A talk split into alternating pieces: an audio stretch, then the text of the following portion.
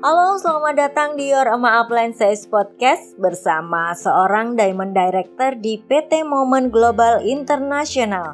Di podcast ini, Anda tidak hanya mendapatkan berbagai macam ilmu dan pengalaman dari seorang top leader Moment yaitu Diamond Director kita Maasti, tapi kalian juga akan mendapatkan ilmu dan pengalaman dari para member dan juga top leader lainnya di komunitas Moment. Jadi bagi kamu yang ingin lebih profesional dan juga sukses di bisnis momen dan juga bisnis jaringan lainnya, silahkan ikutin selalu Your Ema Appliances Podcast. Selamat menikmati.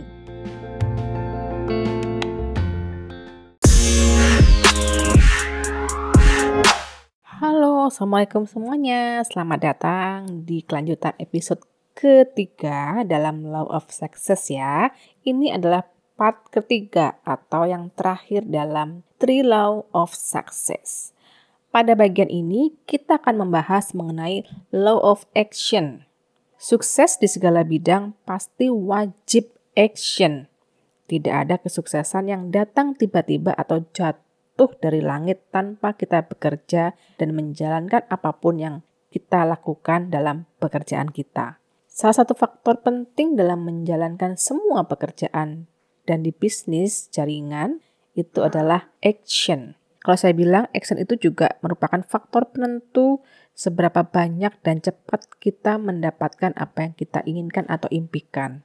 Mungkin faktor LOA dan faktor law of association memiliki porsi yang cukup besar juga terhadap kesuksesan kita. Tapi jangan lupa, law of action juga merupakan bagian penting dalam kita mengejar sukses.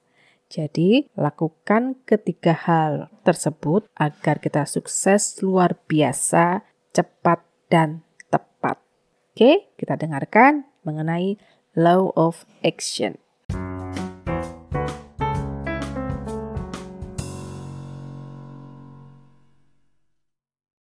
Dalam law of action ini kita akan membahas mengenai bagaimana action dalam sebuah bisnis jaringan atau network marketing. Kira-kira dalam bisnis jaringan, faktor action apa yang paling utama yang harus kita lakukan? Nah, ini ada tiga hal yang wajib yang harus kita kerjakan sebagai pebisnis profesional di bisnis jaringan. Dan yang pertama adalah Anda harus melakukan yang namanya kegiatan prospecting, merekrut, dan jualan. Bedanya apa sih tiga kegiatan ini? Kalau prospecting, menurut saya itu le uh, lebih pada kalian mengumpulkan database daftar nama orang-orang yang ingin kita prospek. Lalu kita tunjukkan kepada mereka bahwa saya ini sekarang adalah member momen. Saya join di momen. Dan kenapa saya join di momen? Dan Anda juga harus menjelaskan bahwa saya adalah calon leader di momen. Jadi istilahnya seperti kita membranding diri kita. Kenapa sih aku memilih momen? Dan Anda harus menunjukkan bahwa saya serius di momen dan saya akan menjadi hebat luar biasa di bisnis ini. Nah, ini sebenarnya membuat mereka e, merasa lebih kepo atau tertarik dengan bisnis ini karena mungkin dengan apa yang kita sampaikan itu ternyata sama problemnya dengan yang mereka miliki. Situasi kita sama, karena kesamaan ini mereka tertarik untuk bergabung dengan kita. Ini yang saya lakukan saat memulai bisnis ini. Jadi saya membuat daftar prospecting ya. Saya per hari mencari lima orang yang kira-kira lima orang ini bisa mengajak lima orang berikutnya lagi. Gitu ya. Lalu saya juga mencari lima orang yang di mana lima orang ini bisa dan mau membeli atau membutuhkan produk yang saya miliki, yaitu produk momen. Jadi per hari saya punya 10 list daftar nama yang bisa saya prospek. Setelah saya punya daftar nama, lalu yang saya lakukan adalah saya menyapa. Menyapa mereka, menginfokan mereka bahwa saya sekarang di momen loh, dan saya juga menjelaskan alasan saya join di momen kenapa. Karena saya ingin memiliki financial freedom. Saya ingin memiliki waktu bebas saya. Saya tidak ingin terikat dengan pekerjaan saya di kantor. Saya ingin memiliki income sekian-sekian juta yang sudah dimiliki oleh upline saya di bisnis ini. Nah, itu alasan-alasan saya kemukakan kepada lima orang ini. Lalu, saya juga memiliki lima market tertentu ya. Saya bilang ke orang-orang ini bahwa kalau butuh produk momen bisa ke saya ya karena produk momen bagus-bagus loh. Kita juga akan share uh, ingredient apa yang membuat produk ini sangat bagus dan best seller. Nah, jadi dengan kita men-share bahwa produk kita itu premium, testimoninya juga banyak yang positif. Nah, kita berharap mereka yang tadinya nggak tahu jadi tahu, mereka tadinya nggak butuh jadi eh kayaknya seru deh, kayaknya aku juga bisa coba deh. Mungkin bisa membantu masalah dia yang kita tidak ketahui gitu ya. Atau mungkin dia bisa merasa, oh kayaknya ibuku butuh deh. Atau siapa pun yang dia anggap butuh, dia akan mereferensikan ini kepada orang-orang tersebut. Nah, lalu saya akan juga akan bilang bahwa kalau pengen serius bisnisnya, saya juga bisa bantu karena hasilnya lumayan kalau kita mau fokus menjalankan bisnisnya. Tapi boleh kok coba dulu produknya. Jadi begitulah yang saya sampaikan kepada lima prospek saya dalam hal bisnis dan lima prospek saya dalam hal produk. Jadi saya tidak hanya beriklan, tapi saya juga membranding diri saya. Nah, setelah prospecting, kita juga harus berpikir mengenai merekrut. Apa sih merekrut yang sebenarnya dalam bisnis jaringan? Merekrut itu merupakan nyawa di bisnis ini. Tanpa ini, kita tidak akan mendapatkan apa pun, hasil apa pun, dan tidak akan menjadi siapa pun di bisnis jaringan. Merekrut buat saya itu artinya kita secara terang-terangan mengajak orang lain dan presentasi langsung kepada orang lain mengenai bisnis momen. Bagaimana bisnis ini, bagaimana cara joinnya, dan bagaimana marketing plan-nya. Dalam proses merekrut ini, kita 100% sudah memiliki tujuan yang jelas bahwa calon prospek ini harus bergabung dan mereka bergabung dengan paket tertinggi yaitu platinum. Merekrut adalah hasil dari prospecting kita udah ngincer nih orang-orang yang potensial dari hasil kita membranding diri kita dan mempromosikan diri kita bahwa kita ini seorang momentizer. Nah, merekrut itu biasanya langsung pada tujuan, yaitu mengajak untuk menjadi mitra bisnis di momen. Dengan mengetahui dari awal bahwa capros ini tertarik karena bisnis, mereka akan secara otomatis akan fokus ke hasil, yaitu uang atau bonus. Orang yang orientasinya pada uang biasanya lebih mudah untuk kita closingkan karena orang-orang ini memang butuh secara finansial dan mereka biasanya juga kepepet. Mereka butuh sesuatu untuk mencapai impian mereka. Ini akan mudah sekali untuk diajak dan fokus menjalankan bisnis ini karena mereka ini memiliki tujuan yang jelas. Dan biasanya orang-orang semacam ini akan merasa bahwa produk itu bukan fokus utama mereka, tapi fokus utama mereka adalah hasil dan pencapaian finansial mereka di bisnis ini. Dan rata-rata orang yang ingin sukses memang akan lebih fokus kepada caranya gimana dan siapa upline mereka nantinya. Nah, artinya di sini mereka butuh penjelasan yang simple dan mudah dipahami mengenai bagaimana nih mereka nantinya memulai bisnis ini dan bagaimana komitmen kita sebagai sponsor dan upline mereka nantinya.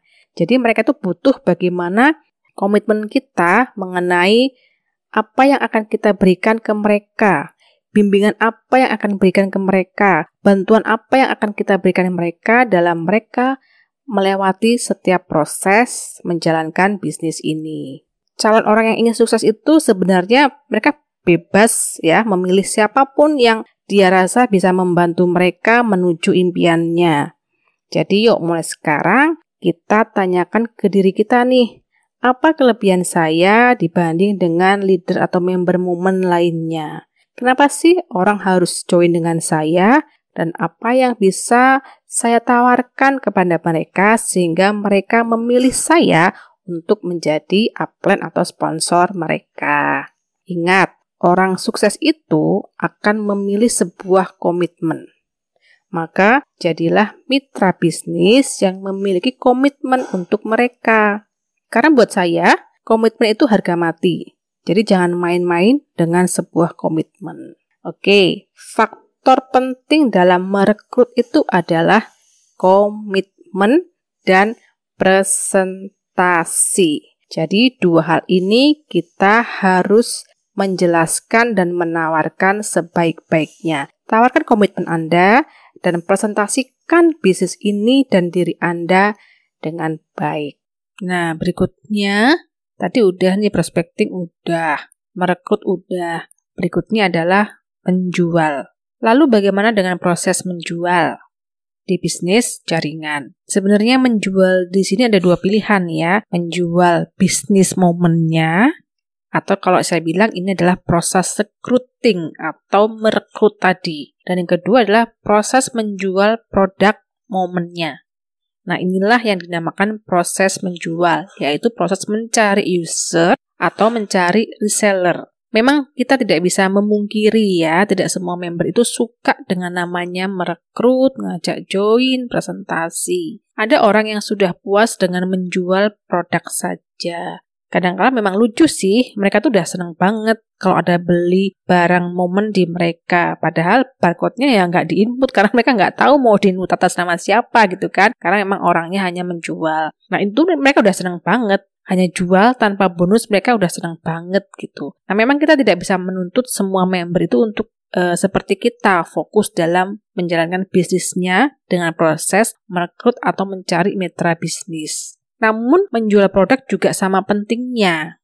Tapi tetap ada konsekuensinya setiap pilihan yang kita ambil. Jika kita fokus untuk hanya menjual, ya kita tidak akan mendapatkan yang namanya passive income karena kita hanya sebagai penjual yang single factor di sini. Sebenarnya silakan aja sih mau memilih yang mana. Kita hormati pilihan masing-masing member kita. Toh sebenarnya member yang ingin fokus ke bisnisnya itu mereka biasanya juga diawali dengan memulai menjual produk momen.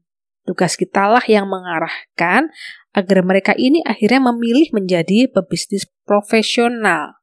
Tinggal kita bantu merubah mindset mereka dari yang menjual produk saja atau pengguna produk saja menjadi seorang pebisnis profesional di momen. Jujur saya pun juga kadang masih melakukan yang namanya proses menjual produk ke user. Ini lebih karena memang prospek yang saya sedang presentasi tersebut memang hanya butuh produknya aja. Mereka nggak butuh bisnis yang saya tawarkan. Jadi nggak masalah kan jika mereka memang hanya ingin membeli saja. Toh menurut saya member aktif pun juga berawal dari mereka mencoba produknya dan cocok. Jadi banyak member-member aktif sekarang ini yang mereka aktif karena berawal dari mereka pakai produknya saja, niatnya di awal, eh ternyata kok bagus, cocok, bisa membantu keluhan-keluhan mereka. Akhirnya mereka lebih yakin, mantap, dan mungkin bercerita ke teman-temannya tentang produk yang dia pakai, dan teman-temannya membeli, lalu dia terima bonus, lalu dia merasa, oh ini bisnis yang saya impikan, oh ini sesuatu yang mudah untuk dikerjakan, sehingga mereka menjadi aktif. Jadi, menjual itu sah-sah aja. Namun ingat, jika kita ingin lebih profesional, carilah mitra bisnis sebanyak-banyaknya, bukan user sebanyak-banyaknya. Artinya kita harus merekrut sebanyak-banyaknya dibanding menjual sebanyak-banyaknya, ya. Nah, kita udah paham nih ya konsep menjual, merekrut, prospecting ya. Nah, lalu tahap yang kedua yang harus kita lakukan atau kita action dalam bisnis jaringan itu adalah yang namanya membina jaringan. Membina jaringan itu sebenarnya lebih susah daripada melakukan kegiatan merekrut ya. Padahal banyak orang di luar sana yang merasa merekrut itu susah. Mau join, ah nggak mau, ah nggak bisa merekrut. Ah nggak mau, aku nggak jago merekrut. Nah, jadi mereka fokus merekrut itu susah. Padahal menurut saya justru proses merekrut itu adalah proses mudah ya dibanding kita melakukan pembinaan terhadap jaringan. Kenapa membina jaringan lebih susah menurut saya dibanding merekrut? Karena satu, kita semua memiliki waktu yang sangat terbatas. Tapi jumlah member kita semakin hari semakin bertambah, sehingga kita tidak bisa memiliki tambahan waktu untuk membina mereka semua. Jadi di sinilah dibutuhkan yang namanya support system dan teamwork. Lalu yang kedua, kita ini membina orang-orang yang memiliki karakter yang berbeda-beda. Tapi bagaimana caranya kita bisa membuat mereka, membina mereka dalam satu visi dan misi yang sama. Lalu yang ketiga, kenapa membina itu lebih uh, susah gitu ya? Karena pada umumnya semua member kita itu memiliki skill dan latar belakang yang berbeda. Lalu tugas kita itu adalah bagaimana membuat orang-orang yang memiliki skill yang tidak sama ini pada akhirnya memiliki kemampuan dan skill yang sama seperti kita. Jadi tugas kita itu membuat mereka jadi pinter, membuat mereka memiliki skill-skill yang mereka tidak punya sebelumnya, dan mereka akhirnya merasa bahwa mereka menjalankan bisnis ini lebih mudah dari sebelumnya karena sudah memiliki skill-skill yang dibutuhkan untuk menjalankan bisnis ini dengan lebih baik. Lalu yang keempat, kita dituntut untuk menjadi seorang leader. Dan itu dimulai dari bagaimana kita merubah mindset dan kebiasaan kita. Nah, untuk sebagian orang, merubah mindset dan memiliki kebiasaan yang berbeda dari sebelumnya bukan perkara yang mudah ya. Kita dituntut untuk melakukan hal-hal yang tidak pernah kita lakukan dan kita harus konsisten melakukan hal tersebut. Memang tidak semuanya bisa, ini butuh proses. Lama-lama akan menjadi sebuah kebiasaan dan attitude bagi diri kita. Dan yang kelima, sebelum member-member tersebut join dengan kita pada saat proses perekrutan, kita kan sudah memberikan komitmen kita terhadap mereka. Nah, ini yang membuat kadang leader itu merasa bagaimana caranya seorang leader harus memenuhi komitmen mereka tidak hanya kepada orang yang diajak atau disponsori tersebut. Tapi seorang leader juga harus berkomitmen kepada jaringan yang direkrut oleh orang yang kita sponsori tersebut. Jadi kita nggak hanya fokus pada satu orang, tapi kita juga fokus pada jaringan di bawah member yang kita rekrut tadi. Jadi tugas kita jadi lebih banyak gitu dari yang kita bayangkan. Dari satu orang, kita memiliki tanggung jawab dan kewajiban untuk membantu lebih banyak orang lagi di bawah mereka. Dan yang keenam, kita akan menemukan member-member yang memiliki mental dan mindset yang mungkin tidak sekuat kita dan tidak sebaik kita. Jadi memang kita harus memiliki kesabaran tingkat tinggi dalam membina member-member yang mentalnya dan mindsetnya mungkin tidak sebaik kita. Apalagi jika mereka memiliki fixed mindset. Kita harus sabar nih buat ngadepin mereka dan merubah yang tadinya fixed mindset menjadi grow mindset. Nah, jadi teman-teman, mulai sekarang supaya nanti lebih mudah dalam menjalankan bisnis jaringan secara profesional, dalam hal membina jaringan kita atau tim kita, kita fokuskan bahwa bisnis ini adalah bisnis tim. Semuanya dikerjakan bersama-sama semua tanggung jawab bukan milik saya sendiri, upline sendiri, atau member sendiri, tapi semua bertanggung jawab atas kesuksesan diri sendiri dan timnya. Jika kita tidak bisa membina jaringan, maka jaringan kalian akan binasa. Pilihannya cuma dua nih, membina atau membinasakan. Kebanyakan yang sering saya jumpai adalah keluhan member-member yang tidak aktif, tidak mau promosi, tidak mau gerak, tidak mau bertanya, dan lain-lain gitu ya. Nah, sebenarnya saat member baru join, mereka itu sebenarnya belum paham harus ngapain nih di bisnis ini. Mereka belum tahu caranya bagaimana memulai bisnis ini. Sedangkan di sisi si upline atau si sponsor, mereka merasa aku tuh udah ngasih tahu bagaimana memulai bisnis ini dan mereka mengajarkan melakukan beberapa hal yang harus mereka lakukan. Cuman gini loh ya, kadang kita merasa sudah kasih tahu, tapi menurut si member itu belum detail. Aku tuh harus pro misalnya nih ya, kebanyakan bilang, ayo kamu promosi, posting di Facebook. Nah, menurut mereka postingnya yang seperti apa, storytellingnya yang bagaimana, bahasa mereka sebelum promosi di Facebook dengan setelah mereka join momen itu berbeda pastinya. Nah, mereka kan harus menguasai yang namanya product knowledge, menguasai marketing plan, tapi mungkin kita hanya cuman bilang promosi dan posting tanpa kita memberikan secara detail ilmu-ilmu yang apa yang harus diposting dan apa yang harus diceritakan di dalam Facebook atau media sosial lainnya. Nah, ini membuat member yang merasa tidak tahu harus bagaimana, akhirnya mereka tidak melakukan apa pun. Justru di sisi upline merasa udah kasih tahu. Nah, jadi ada miskomunikasi di sini. Jadi, teman-teman, saat kalian merasa memberku tuh nggak aktif, nggak mau aktif, yuk coba cek lagi. Mereka memang nggak mau aktif atau memang mereka nggak tahu bagaimana harus memulainya dan aktif di bisnis ini. Karena jujur, semua member nggak bisa dilepas begitu saja. Tugas kita adalah mendampingi mereka sampai benar-benar mereka memahami konsep bisnis ini, memahami cara presentasi, memahami cara promosi, sehingga mereka bisa mandiri dan tahu apa yang harus dilakukan lalu diduplikasi oleh mereka. Di sinilah akhirnya kalian akan membutuhkan yang namanya support system. Jadi saat Anda punya member baru, masukkanlah member-member tersebut ke dalam support system jaringan Anda atau perusahaan di mana kita berada, agar member-member kita lebih mudah dan memiliki pola dalam mengembangkan bisnis ini secara terarah dan terukur. Gitu ya, paham ya teman-teman?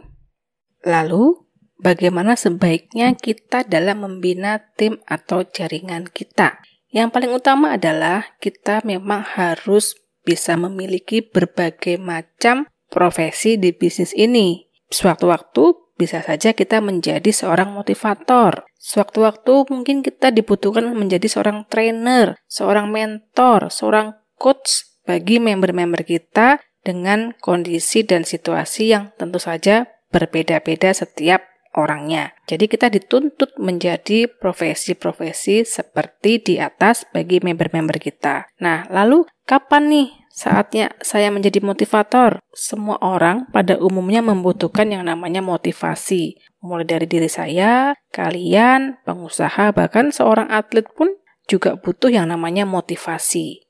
Motivasi mengenai misalnya nih ya, mengapa sih saya harus berada di jalur ini? Atau mungkin motivasi saat mereka mengalami kegagalan dan mulai bosan dalam melakukan rutinitas mereka di pekerjaan mereka sehari-hari. Motivasi bisa didapatkan dari diri sendiri, keluarga, atau upline Anda, atau sponsor Anda, atau bisa jadi dari membaca buku, seminar, YouTube, dan lain-lain. Atau podcast seperti yang di Your Mark Upline Says ini. Yang paling mudah adalah motivasi dari orang di luar diri kita atau dari sesuatu di luar diri kita. Tapi memang motivasi sejenis ini biasanya memang nggak berlangsung lama. Kadang muncul, kadang hilang, atau hanya muncul di saat situasi terjadinya motivasi atau pada saat seminar aja nih semangatnya.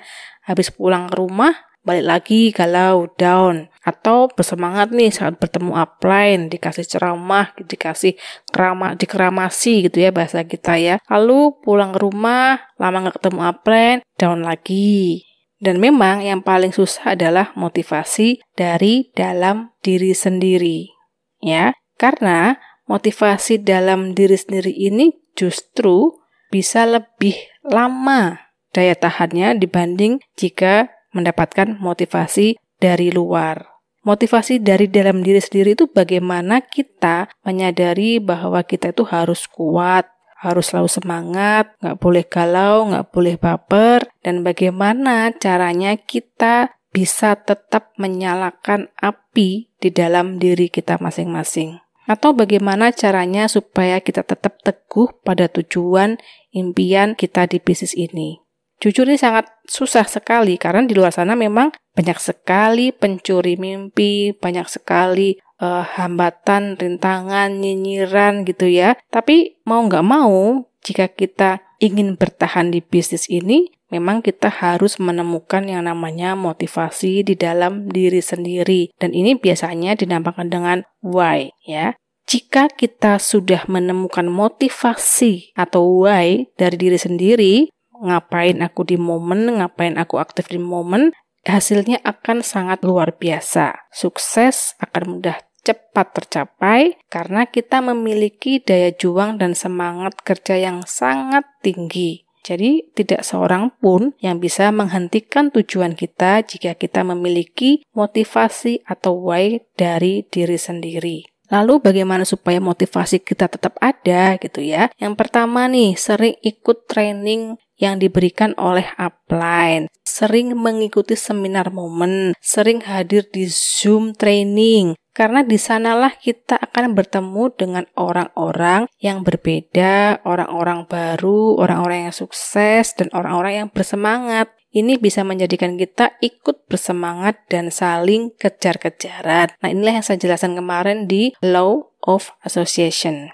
Dulu nih kenapa nih saya bisa sampai tahap posisi di hari ini, Diamond Director. Dulu jujur saya itu memiliki sosok yang harus saya kejar kesuksesannya. Jadi pada waktu saya awal-awal join, saya punya cross line ya, yang levelnya lebih tinggi dari saya, bonusnya lebih tinggi dari saya. Dan itu saya jadikan patokan saya bahwa saya harus di atas orang itu.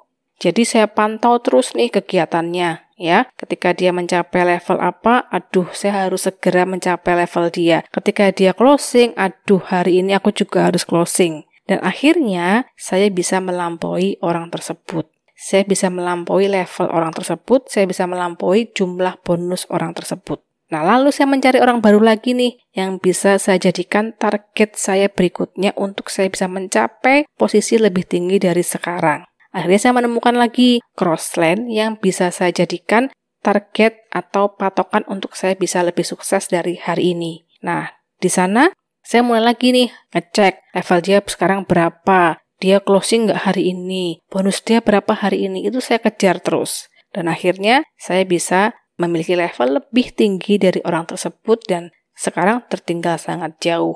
Nah, jadi begitu, itu cara saya memotivasi diri saya sendiri. Jadi memang banyak cara untuk memotivasi kita. Nah, teman-teman pakai yang sesuai dengan kondisi, situasi, dan karakter masing-masing.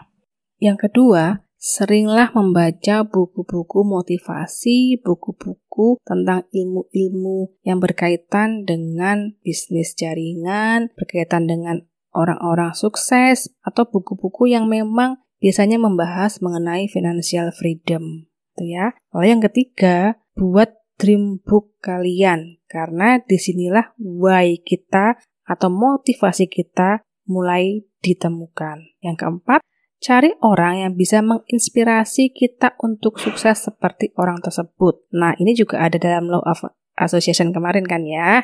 Lalu yang kelima, cari kelebihan kita. Apa yang membuat kalian merasa percaya diri, apa yang membuat kalian merasa selalu bersyukur, apa yang membuat Anda merasa bahwa sukses adalah saya. Anda harus menemukan kelebihan-kelebihan yang Anda miliki. Nah, sekarang yuk coba temukan cara memotivasi diri kalian masing-masing. Lakukan itu sampai kalian benar-benar merasa memiliki mental yang kuat, memiliki grow mindset yang cukup baik. Lalu, tugas kita sebagai upline atau sponsor, kita juga harus bisa memotivasi para member-membernya. Nah, di sinilah peran kita sebagai motivator. Kenapa Anda harus bisa memotivasi diri sendiri dulu nih? Ya karena untuk memotivasi orang lain, kita harus bisa memotivasi diri sendiri. Kan nggak mungkin nih kita mudah down, mudah baper, mudah galau, tiba-tiba harus dituntut memotivasi orang lain. Dan itu memang susah ketika Anda memiliki energi yang sangat rendah, Anda dituntut untuk memotivasi orang lain dan itu butuh energi yang tinggi. Nah, jadi sebelum Anda memotivasi orang lain, maka motivasilah diri Anda sehingga Anda bisa memiliki level energi vibrasi yang baik dan itu bisa Anda tularkan kepada tim dan jaringan Anda. Gitu ya. Nah, pastikan Anda selalu membuat training-training yang bisa memotivasi atau seminar-seminar yang bisa menyisipkan motivasi di dalamnya. Bisa jadi misalkan nih uh, Anda sedang presentasi. Nah, Anda harus memberi sedikit success story Anda sehingga membuat orang lain jadi terinspirasi oleh apa yang sudah kalian capai. Atau boleh jadi Anda menceritakan pengalaman hari ini yang membuat Anda merasa Anda sangat bersemangat. Bisa Anda ceritakan dalam grup, dalam media sosial Anda. Atau untuk memotivasi member itu sebenarnya simple.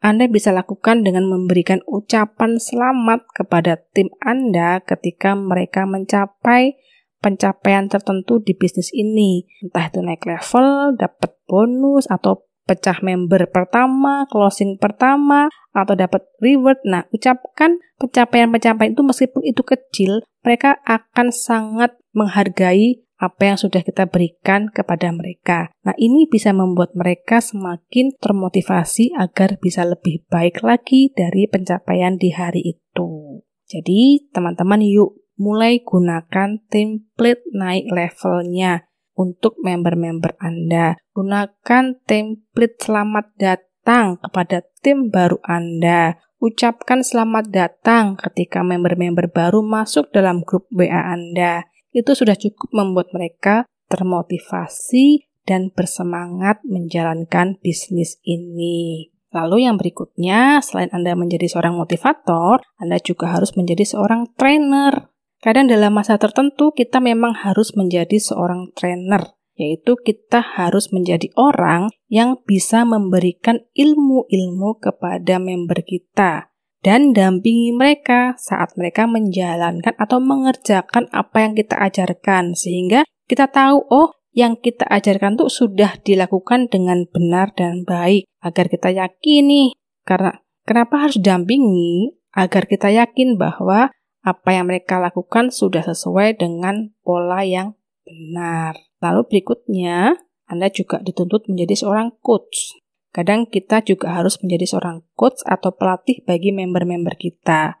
Member kita itu kadang-kadang mereka tidak menemukan atau tidak paham atau nggak ngeh tentang kemampuan, skill, atau kelebihan yang mereka miliki. Karena pada umumnya member itu hanya fokus pada masalah, pada kekurangan mereka, Misalkan, aku nggak pede ngomong di depan umum, aku malu, aku belum pernah presentasi, aku grogi, aku nggak bisa bikin status. Nah, mereka hanya fokus pada masalah dan kelemahan mereka. Padahal, di sisi lain, mereka memiliki kelebihan-kelebihan yang bisa ditonjolkan. Nah, itulah tugas kita sebagai coach, menemukan kelebihan-kelebihan member untuk dimanfaatkan mengembangkan bisnis mereka di sini, ya. Atau kadang member itu nggak paham, nggak ngeh kalau mereka memiliki sebuah mental block. Nah, tugas kita juga sama. Kita harus bisa menemukan atau memahami bahwa member ini tuh punya mental block di bagian ini. Nah, tugas kita menjadi pendengar mereka sehingga mereka bisa menemukan masalahnya dan mereka sendiri yang memberi solusi pada masalah yang mereka hadapi. Bagaimana caranya mereka mengoptimalkan kelebihan mereka atau bagaimana caranya mereka menemukan mental blocknya mereka dan mereka bisa menghilangkan mental block tersebut sehingga mereka bisa sukses dan besar bersama kita. Lalu berikutnya, kita juga harus bisa menjadi seorang mentor. Karena untuk mengetahui apakah duplikasi yang sudah kita lakukan, yang sudah kita arahkan kepada member itu sudah berjalan dan sudah dilakukan oleh tim kita atau apakah ilmu yang sudah kita berikan ini benar-benar sudah dijalankan sampai ke level bawah jaringan kita. Atau bisa jadi seorang mentor itu harus menemukan masalah-masalah yang dialami dalam tim kita sehingga kita sama-sama bisa memberikan solusi kepada tim kita. Tiga poin berikutnya dalam hal law of action adalah duplikasi. Ya, dalam sebuah bisnis jaringan, duplikasi itu berarti mewariskan ke bawah, menanamkan pengetahuan, mengajarkan, melatih downline-downline Anda agar semua yang telah kita ketahui dan lakukan di mana hal-hal tersebut telah membuahkan hasil bagi diri kita dan kita tahu ini akan sangat membantu tim di bawah kita. Simpelnya begini, duplikasi itu proses meniru trik-trik cara-cara yang dilakukan seorang upline supaya member di bawahnya itu bisa memiliki kesuksesan yang sama. Secara teknis, duplikasi dimulai dari upline kepada downline. Lalu, si downline meneruskan kepada downline yang berada di bawahnya dan seterusnya.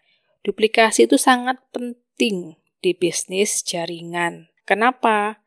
Karena duplikasi ini untuk memastikan semua downline di bawah kita, semua tim di bawah kita mengetahui apa yang harus dikerjakan dan bagaimana cara mereka mencapai hasilnya agar lebih cepat.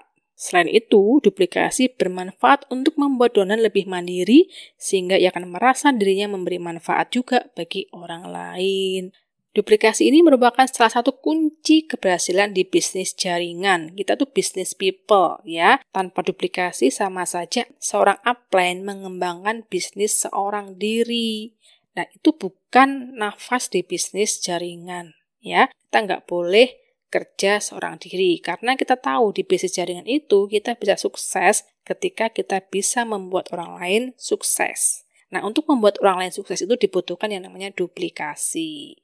Berikut ini tips sebelum kita melakukan proses duplikasi di bisnis jaringan, yaitu yang pertama, yuk persiapkan diri kita. Sebelum menjadi seorang duplikator yang baik dan bertanggung jawab, seorang upline harus menjadi duplikator yang baik juga dan mengenal dirinya. Karena untuk menyuruh orang lain meniru apa yang kita lakukan itu nggak mudah apalagi bila tidak memiliki karakter sebagai seorang leader yang baik. Duplikasi itu bukan hanya memberi perintah, memberi teori seperti dalam seminar atau presentasi, tapi duplikasi itu memberi contoh. Ibaratkan sebagai cermin yang menampilkan objek sama persis. Itulah duplikasi. Lalu yang kedua, tips sebelum kita melakukan proses duplikasi adalah miliki sikap yang bertumbuh dan berkembang atau istilahnya grow mindset. Agar bisa menjadi duplikator yang sukses, memang seorang upline harus memiliki atau mengembangkan gaya komunikasinya, harus memiliki sikap perhatian dan kepedulian yang lebih kepada timnya, harus membina hubungan yang baik dengan timnya, dan harus bisa menumbuhkan komitmen bersama dalam tim. Nah, inilah yang dinamakan dengan leadership.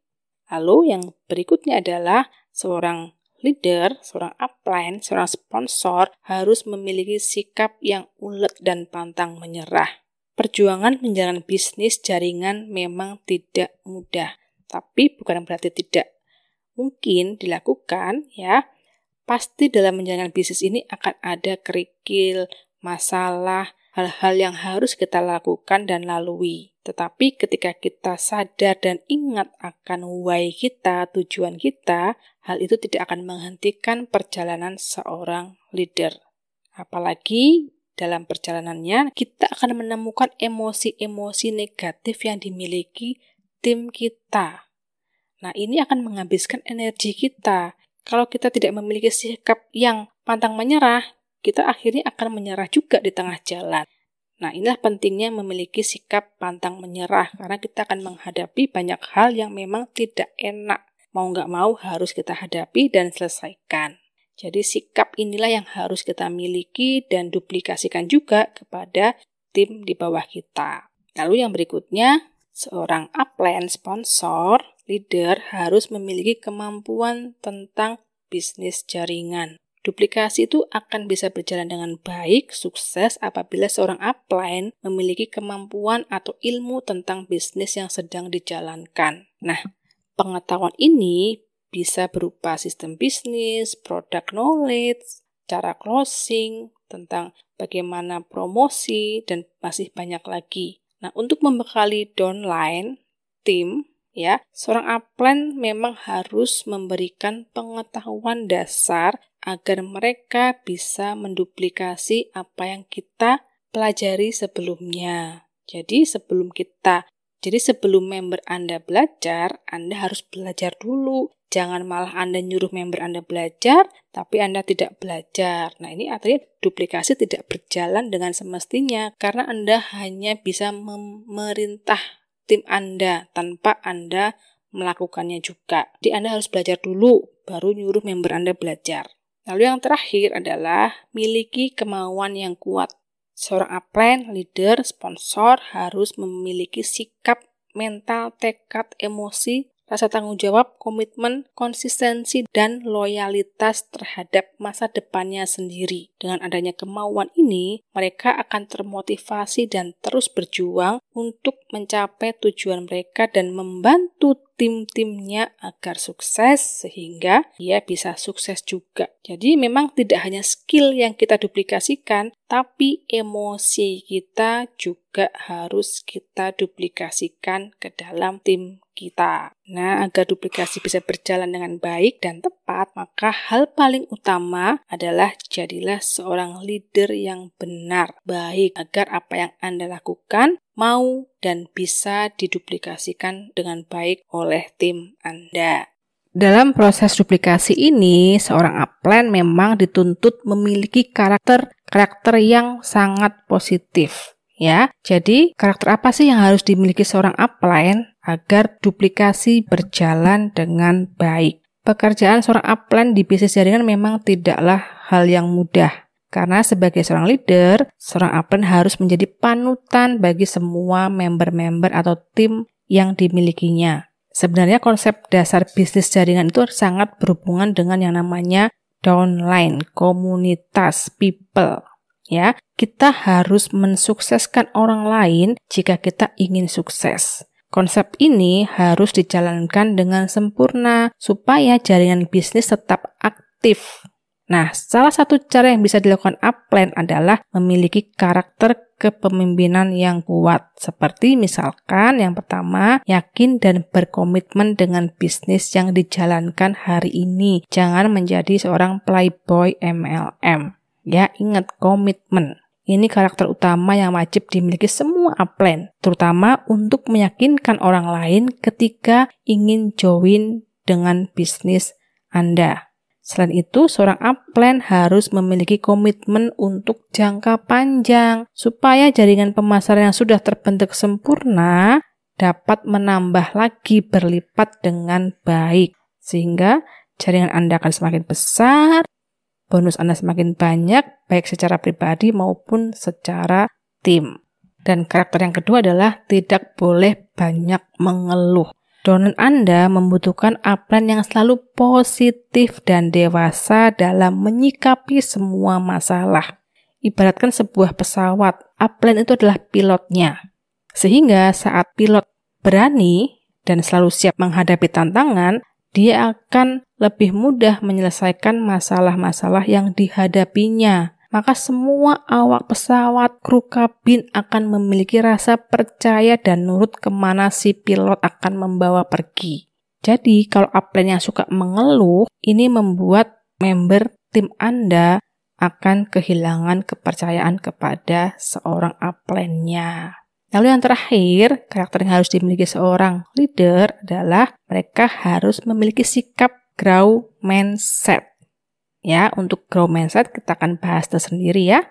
Itulah kira-kira law of action yang harus kita lakukan untuk menjadi pebisnis jaringan yang profesional. Hanya dengan merekrut atau menjual saja nggak cukup. Kita harus membina tim dengan baik dan benar. Namun, jika ingin tim kita semakin besar jaringannya, kita juga harus fokus pada yang namanya duplikasi. Ini adalah faktor faktor kali kita. Dalam bisnis, jika kita memiliki faktor kali yang banyak, maka bisnisnya akan bertumbuh dengan cepat. Nah, inilah dalam bisnis jaringan, faktor kalinya adalah duplikasi. Jadi lakukan ketiga hal di atas tadi ya, agar Anda bisa menjadi sebuah tim yang besar, komunitas yang besar dan positif. Yaitu yang pertama, Anda harus melakukan proses namanya prospecting, merekrut, dan menjual. Lalu berikutnya Anda harus melakukan yang namanya proses membina jaringan. Lalu yang terakhir Anda harus melakukan proses yang dinamakan duplikasi. Nah, itulah tiga kunci kesuksesan menjalankan bisnis momen bersama saya dan momen. Teman-teman, kita ikuti podcast selanjutnya dalam Your Emak Appliances Podcast. Assalamualaikum semuanya.